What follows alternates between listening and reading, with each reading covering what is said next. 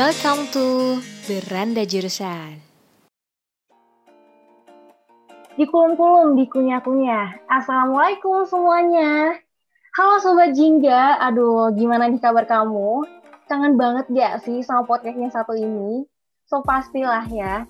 Ketemu lagi bareng Marcella Safira yang bakal sharing-sharing info menarik seputar jurusan ke kamu selama beberapa menit ke depan. Tentunya hanya di podcast yang kece banget, apalagi kalau bukan Beranda Jurusan. Oke, di episode kali ini, Beranda Jurusan bakal bahas, aduh, udah pasti ketebak lah ya Sobat Jingga. Yap, kita bakal bahas jurusan sosiologi yang katanya susah dapet pacar. Waduh, bener nggak tuh ya? Dan tentunya seperti biasa, Marcella nggak sendirian karena ditemani sama narasumber yang biasalah nggak perlu dilakukan lagi so pasti keren abis. Dia adalah alumni sosiologi tahun 2016 dan merupakan wakil presiden BEM UB tahun 2019 langsung aja nih nggak perlu lama-lama ini dia Kak Dimas Putra. Halo Kak Dimas Ah, hai, hai, halo Sobat Jingga. Alhamdulillah di masa pandemi ini masih diberikan kesehatan baik-baik aja. Sela gimana? Sehat juga? Alhamdulillah kak? sehat juga kak. Hmm, dan pastinya okay. happy terus dong kak. Alhamdulillah ya, pasti dong harus dibikin happy karena hmm, ya buat apa juga gitu kan, sedih-sedih gitu kan harus happy. Aku jadi berasa kayak siaran lagi loh, kayak duet partneran sama kamu. iya serius jadi kerasa vibe vibe apa siaran tuh dulu kan di Seveland juga kebetulan Oh, Jadi wah seru juga, asik juga nih. nah, sebelum mulai nih Kak, boleh dong uh, perkenalan dulu nih sama Sobat Jingga. Oke, uh, halo teman-teman Sobat Jingga. Perkenalkan nama aku Dimas Prawijaya. Dulu aku masuk sosiologi itu di tahun 2016. Terus kemudian uh, lulus, kebetulan Alhamdulillah uh, cepet. Dikasih rezeki buat cepet jadi tiga setengah tahun kemarin udah lulus di S1 terus kemudian ini juga lagi ngelanjutin studi, studi lagi juga. Uh, apa magister sosiologi juga kebetulan S2 di Visipol UGM kayak gitu. Wih, Apalagi yang perlu dikenalin dari saya, Mbak Sela? udah udah cukup kak udah sudah oke okay. keren banget kak Dimas by the way nih kak ngomongin soal jurusan sesuai dengan segmen podcast kita sekarang kayaknya enaknya kita flashback atau throwback throwback dulu ya kak yuhu boleh gimana tuh hmm. apa boleh. apa yang perlu kita flashbackin boleh dong kak um, sharing kehidupan kampus kak Dimas dulu nih sebagai mahasiswa sosiologi. Waduh. Sebenarnya datar-datar aja ya kayaknya kehidupan saya di kampus itu di sosiologi gitu kalau saya nggak nggak ada yang seru ya. Cuman karena aku berkecimpung di organisasi di kepanitiaan dan di apa uh, beberapa kegiatan-kegiatan sosial ya. Mungkin lebih banyak dinamikanya di situ sih. Maksudnya kalau untuk um, apa hal-hal yang lain misal kayak seru-seruan kayak jalan-jalan atau apa saat dulu di kuliah itu ada cuman nggak sering gitu. Nongkrong nongkrong sama teman-teman itu juga sesekali oke okay, gitu kan. Apalagi sosiologi gitu ya konteksnya yang punya apa ya tongkrongan-tongkrongan yang kuat juga gitu loh sebenarnya kayak gitu. Cuman ya aku sesekali aja gitu gabung ke mereka nggak yang sustain terus-terusan di tongkrongan gitu juga nggak bisa gitu. Karena ada beberapa kepentingan lain yang aku jalanin saat itu gitu sih. Tapi karena ada kepentingan nih cuman kalau nggak ada kepentingan kayaknya juga dulu flashback aja itu nongkrong mulu mungkin ya. Kayak gitu. Nongkrong jalan-jalan ke mall ya kan belanja udah gitu. Main gitu kan. Iya emang seru banget sih kak. Sambil seling-seling gitu ya kak daripada pusing uh, kuliah-kuliah ngampus nongkrong sama teman kan juga bisa refreshing juga ya kak. Ya betul sekali. Hmm, kalau menurut kakak sendiri nih, ada nggak sih kak mata kuliah yang susah di sosiologi tuh? Ada sih, apalagi buat saya gitu kan ya, yang nggak pinter gitu kan sebenarnya. Jadi tuh banyak beberapa mata kuliah yang susah gitu. Apalagi kalau aku teori ya, teori itu karena dia punya paradigma masing-masing ya, mulai dari teori sosiologi klasik, ah, modern, terus hmm. postmodern terus apa kritik postmodern itu sampai teori-teori kontemporer sekarang itu menurutku um, susah ya. Maksudnya mata kuliah teori itu menurut saya susah kayak gitu karena sulit dijangkau ya, gitu ya kak. Nah ya kayak gitu. Kita harus punya pemahaman dan bahan bacaannya literaturnya itu bahasa-bahasa yang Hmm. digunakan dalam buku tersebut itu menurut saya saat itu sulit untuk um, dipengerti kayak gitu loh. Maksudnya dia pakai istilah-istilah akadem- akademis yang agak tinggi kayak gitu. Jadi ya itu agak susah aja sih di teori. Cuman ada juga teman-teman aku di sosiologi yang suka sama teori gitu kan ya. Itu juga um, enak seru gitu katanya belajar teori. Tapi kalau aku secara personal menurut aku ya mata kuliah yang susah itu teori teori teori sosiologi gitu. Tentang tapi sebenarnya ya. seru ya sebenarnya seru kok seru banget itu. Berarti balik lagi ke individual masing-masing ya kak. Bisa jadi menurut orang juga kalau teori itu malah gampang gitu ya kak. iya benar kayak gitu Mm-mm. jadi ya masing-masing orang punya kapasitas sendiri untuk memahami materi kan ya. Heeh, kayak gitu Jadi kayaknya emang susah banget ya kak. Karena menurut aku juga kalau soal yang teori-teori tuh bener banget harus em, gimana ya? Banyak banget literatur yang kita kumpulin gitu loh kak. Buat mengkaji teori-teori itu. Betul oh iya sekali kak. Oh iya kak. Dulu kak Dimas selain join BEM nih ikut organisasi apa aja kak?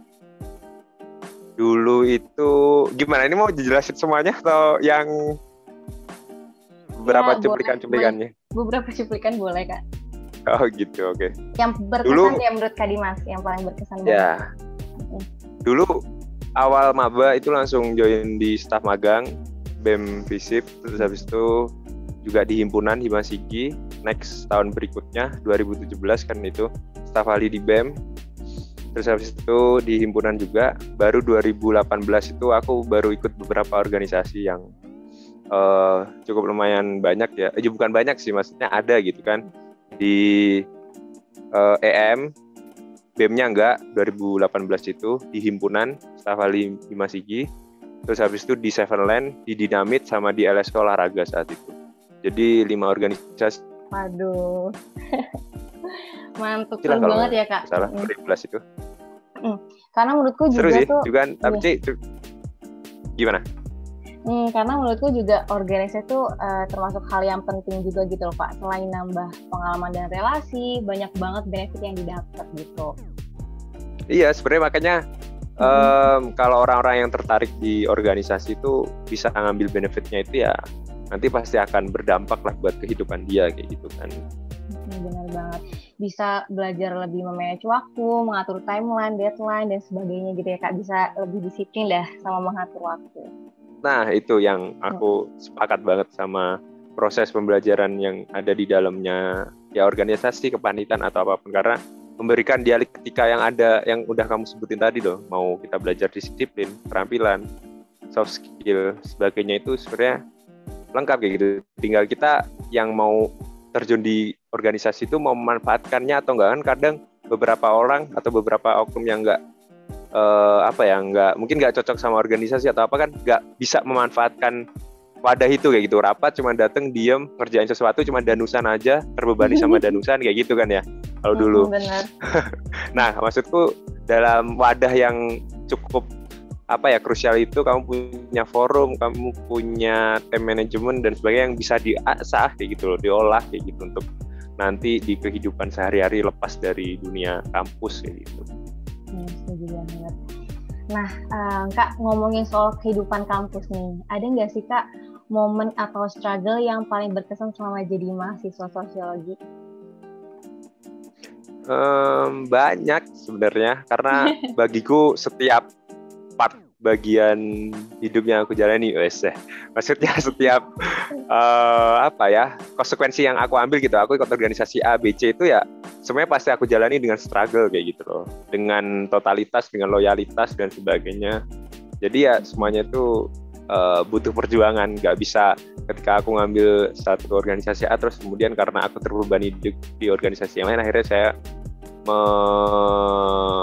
menyepelekan atau akhirnya nggak kontribusi lebih di organisasi yang aku pilih tadi ya nggak kayak gitu gitu loh konsepnya Mm-mm. Kalau ngomongin soal yang berkesan-berkesan nih Kak, atau momen-momen, kalau boleh tahu kak ospeknya sosiologi tuh gimana sih kak? Dan dari yang aku dengar-dengar nih, kayaknya ospek sosiologi tuh bikin solid banget antar mahasiswanya. Bener nggak tuh kak? Bener banget sih, karena terkenalnya sosiologi ya dari kita masuk gitu kan, dari kita maba dulu itu ya sosiologi itu paling solid lah, paling inilah narasi-narasi itu yang digaungkan saat apa ospek jurusan ya. Uh, pengenalan kehidupan jurusan lah pokoknya itu loh.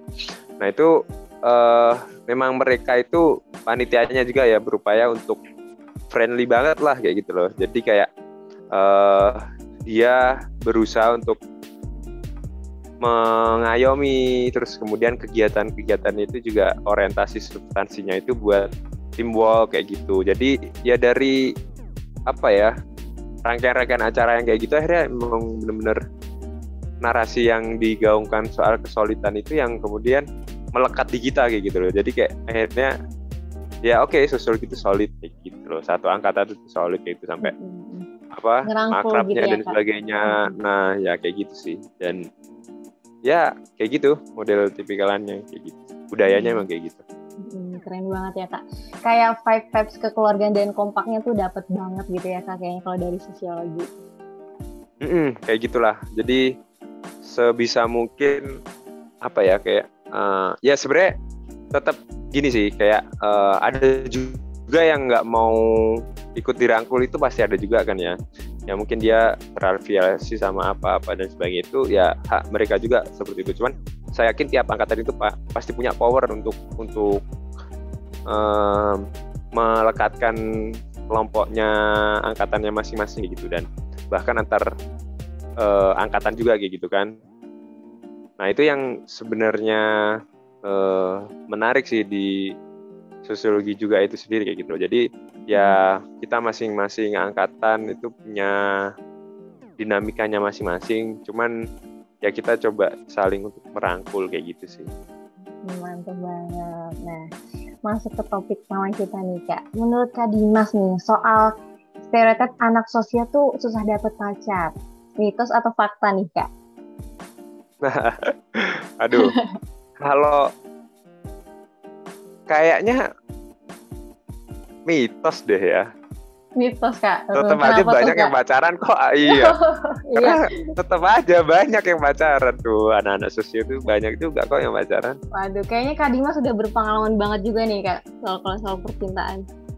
Aduh, mana ada ini kandas mulu jadi aja curhat ya kak iya makanya ya gitu lah maksudnya um, maksudku fan-fan aja sih lagi apa ya uh, maksudnya nggak nggak bener-bener yang menyita banget waktu juga kok di sosiologi itu saat itu perkuliahannya jadi kayak masih ada waktu luang kayak gitu loh. Jadi nggak bener-bener full padet daily activity-nya bener-bener padet sama tugas kampus sama tugas praktikum sama tugas apa itu nggak juga kok masih banyak waktu waktu yang sela kayak gitu loh. Jadi kayak aku pun juga akhirnya bisa waktu-waktu yang sela itu bisa aku luang, luangkan untuk organisasi untuk apa dan sebagainya. Oh, kira gitu. luangkan untuk pacaran kak.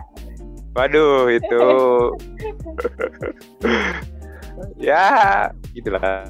Jadi tapi ada juga kok maksudnya yang mungkin ya maksudnya kayak um, karena dia terlalu mengilhami ilmu sosiologi gitu ya apalagi hmm. mungkin kita kan juga dapat matkul tentang feminisme gender gitu kan. Mungkin oh, cewek-cewek yang feminis itu gerakan-gerakan feminis keras mungkin ya barangkali ya menolak untuk pacaran dulu juga. Mungkin ada juga gitu barangkali loh ya aku cuma nggak tahu sih. Iya iya.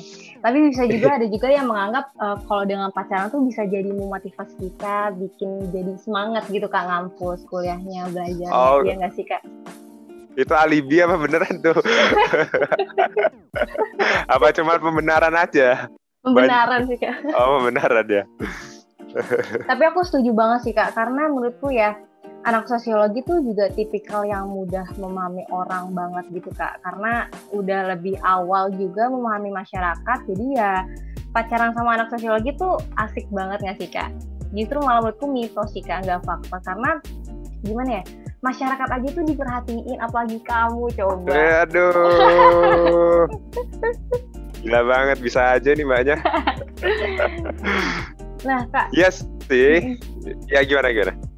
Hmm, berkaitan dengan pacar yang bisa dijadiin alasan motivasi nih. Hmm, kalau dari Kak Dima sendiri ada nggak sih Kak motivasi yang jadi andalan banget nih selama menempuh kehidupan menjadi mahasiswa sosiologi? Motivasi ya.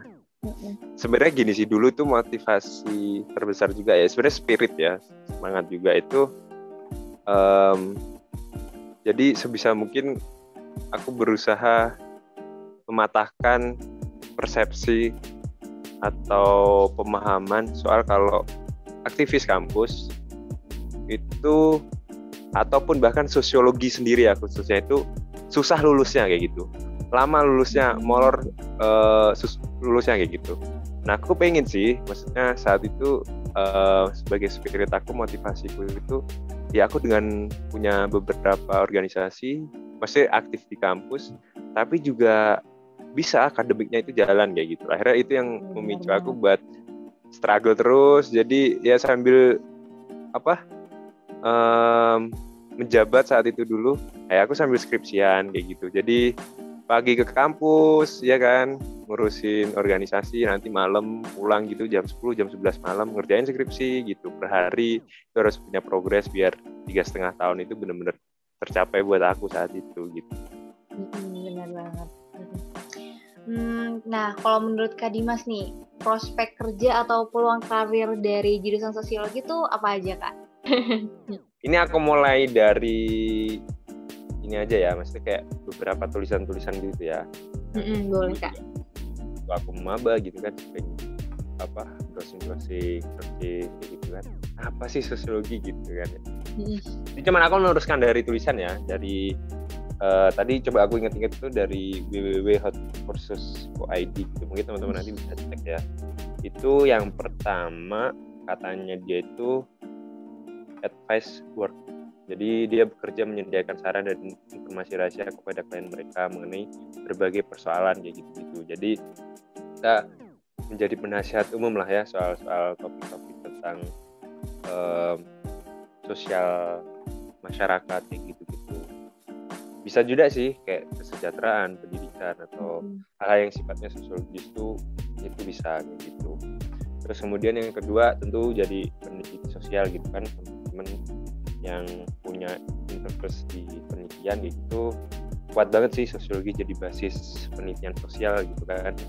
Ya apalagi um, beberapa kebijakan-kebijakan pemerintah di bagian gitu kan pembangunan-pembangunan analisis dari dampak pembangunan itu juga puas memetanya. Maksudnya di kita pun dalam matkul-matkul yang kita punya gitu ya kalau mungkin aku bisa contohkan di SIA MRT ya sistem impact assessment dan manajemen riset terapan itu terintegrasi mata kuliahnya dan itu kita coba memetakan sosial dalam penelitian kita. Jadi dampak-dampak apa dari pembangunan atau hal-hal apa yang bisa kita coba berikan saran dari segala permasalahan kayak gitu. Itu kuat sih di situ. Yang kedua terus kemudian yang ketiga ada pekerja sosial tuh di LSM tingkat lokal nasional maupun internasional. Banyak nih teman-teman um, saya gitu ya terutama. Itu yang bekerja di LSM kayak gitu gitu lembaga swadaya gitu gitu juga.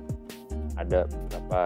Terus kemudian yang keempat itu ya akademisi kalau memang mau lanjut studi lagi atau um, nanti mau jadi di uh, perguruan tinggi di pendidikan SMA dan sebagainya gitu bisa banget. Terus habis itu yang kelima HRO bekerja dengan mengembangkan melaksanakan kebijakan yang berkaitan dengan sumber daya yang efektif. Terus kemudian yang keenam itu bisa sih masuk ke pegawai atau instansi pemerintah kayak gitu sih. Jadi beberapa pendaftaran CPNS itu juga banyak dari Kementerian Sosial, dari Kementerian PUPR, dari Kementerian apa apa kayak gitu. Banyak juga yang mencari kualifikasi sarjana sosiologi. Itu, itu sih beberapa opsinya ya itu yang aku teruskan dari iya kak Ih, jadi luas banget ya kak. Um, kalau menurutku sendiri tuh bidang sosiologi juga punya banyak aplikasi dalam kehidupan dan bidang kerja kak.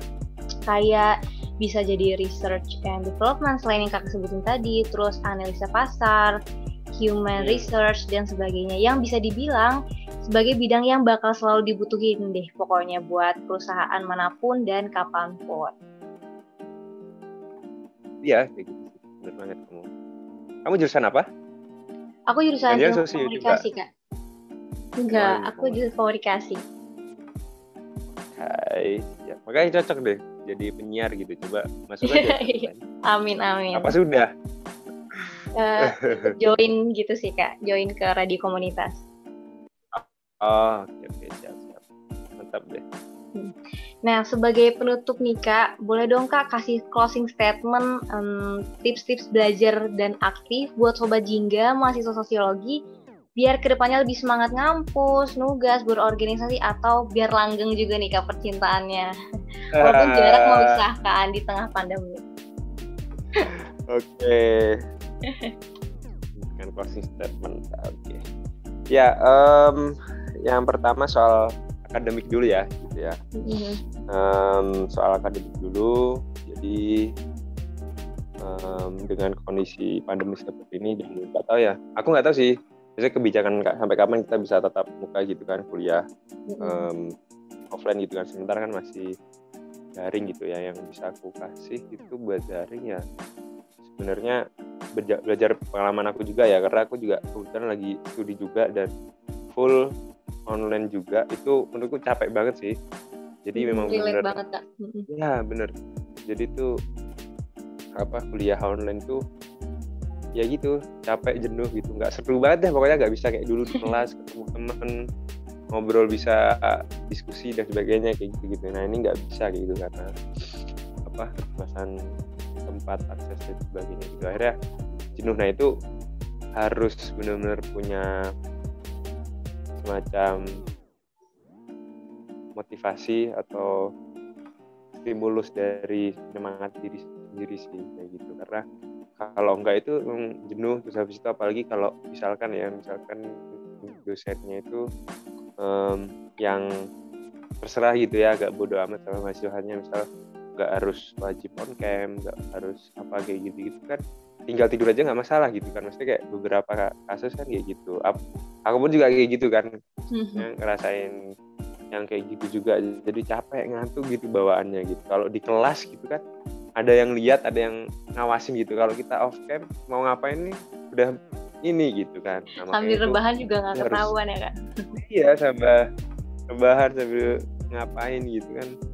Nggak nggak ketahuan. Nah itu itu itu bahaya sih menurutku. Jadi makanya aku pengen ngasih ini ke teman-teman bahwa ya itu harus bisa teman hindari walaupun kondisinya kayak gini harus bisa menangkap materi yang diberikan dan karena itu modal karena itu modal juga gitu ya kita manfaatkan forum-forum kelas gitu karena ya itu modal teorinya yang nanti prakteknya teman-teman bisa explore lagi di kayak kegiatan organisasi dan sebagainya gitu. Nah sekarang masuk nih di closing statement buat organisasi ya. Jadi ini sih eh, aku yakin semuanya kayak gitu ya. Gak hanya organisasi, kok teman-teman punya kreativitas lain ya. Misalnya mau usaha bisnis dan sebagainya, it's okay monggo gitu. Yang penting produktif gitu loh. Yang penting jangan hanya diam menurutku gitu sih. Maksudnya jangan hanya diam di era yang seperti ini kayak gitu persaingan semakin cepat semakin kuat digitalisasi dan sebagainya itu kita harus ambil momentum itu gitu melalui ya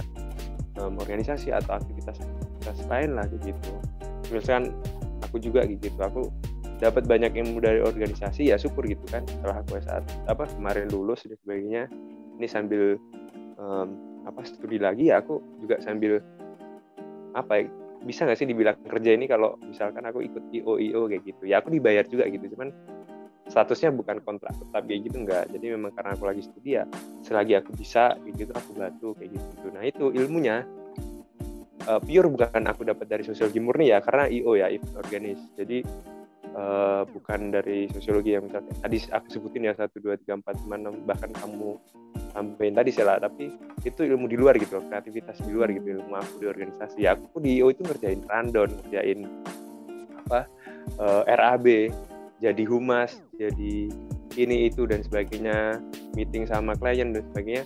Kayak gitu gitu yang aku kerjain dan itu relate banget sama dulu aku di kampus gitu. Aku dulu ya udah.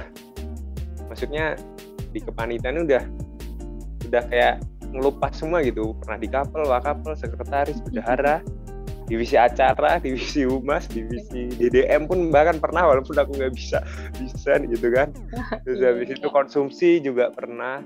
Dan macam-macam lah itu udah aku rasain pahit pilunya dan itu berdampak sih kalau itu memang bisa dimanfaatkan. Itu penting makanya itu krusial keterampilan di luar apa uh, jurusan kayak gitu ketika kayak gitu kan aku bisa bisa apply di situ kan. Aku bisa bekerja dan punya pengalaman yang gitu. Coba kalau misalkan aku dulu uh, fokus studi aja terus kemudian nggak ngapa-ngapain nggak mengembangkan di yang lain mungkin aku nggak mungkin aku nggak bisa gabung di IO itu gitu loh. Maksudku kayak gitu sih maksudnya nah, itu penting organisasi itu penting tapi nggak harus organisasi yang penting. Dan produktif mau apa gitu silahkan terus kemudian soal percintaan ya ini aduh kayaknya kalau aku yang memberikan saran ini kurang tepat karena saya itu kandas gitu kan ya. Kayak kayak apa ya? Um, jadi anomali juga gitu kan. Maksudnya kayak aku memberikan saran coba kayak memberikan petua-petua padahal soal percintaan gue aja belum tentu bener gitu.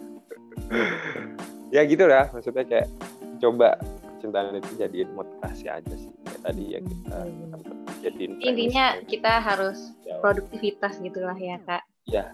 Karena ya. penting banget dari pengalaman-pengalaman itu buat ke depannya. Bener kayak gitu. Jadi memang pengalaman adalah guru terbaik Mantap. Oke deh. Makasih Kak Dimas atas sharing-sharing pengalamannya nih yang seru dan menarik banget pastinya. Apalagi bahas soal percintaan nih ya tadi. Dan makasih banget udah menyempatkan waktunya juga ya Kak hadir di podcast Beranda Jurusan. Yuk, sama-sama. Santai aja ya. Hmm. Nah, Sobat Jingga, gimana tadi sharing-sharingnya? So, pasti seru banget dong jadi gimana? Menurut kamu mitos atau fakta kalau anak sosis susah dapat pacar? Tapi nggak kerasa nih udah di penghujung. Eps, tapi tenang aja karena beranda jurusan bakal balik lagi dengan jurusan yang nggak kalah keren pastinya. Oke deh Sobat Jingga, semoga sharing-sharing kali ini bermanfaat ya. Aku Marcella Safira pamit undur diri. Stay safe, stay healthy, and stay happy. See you guys, sampai jumpa di podcast selanjutnya. Dah.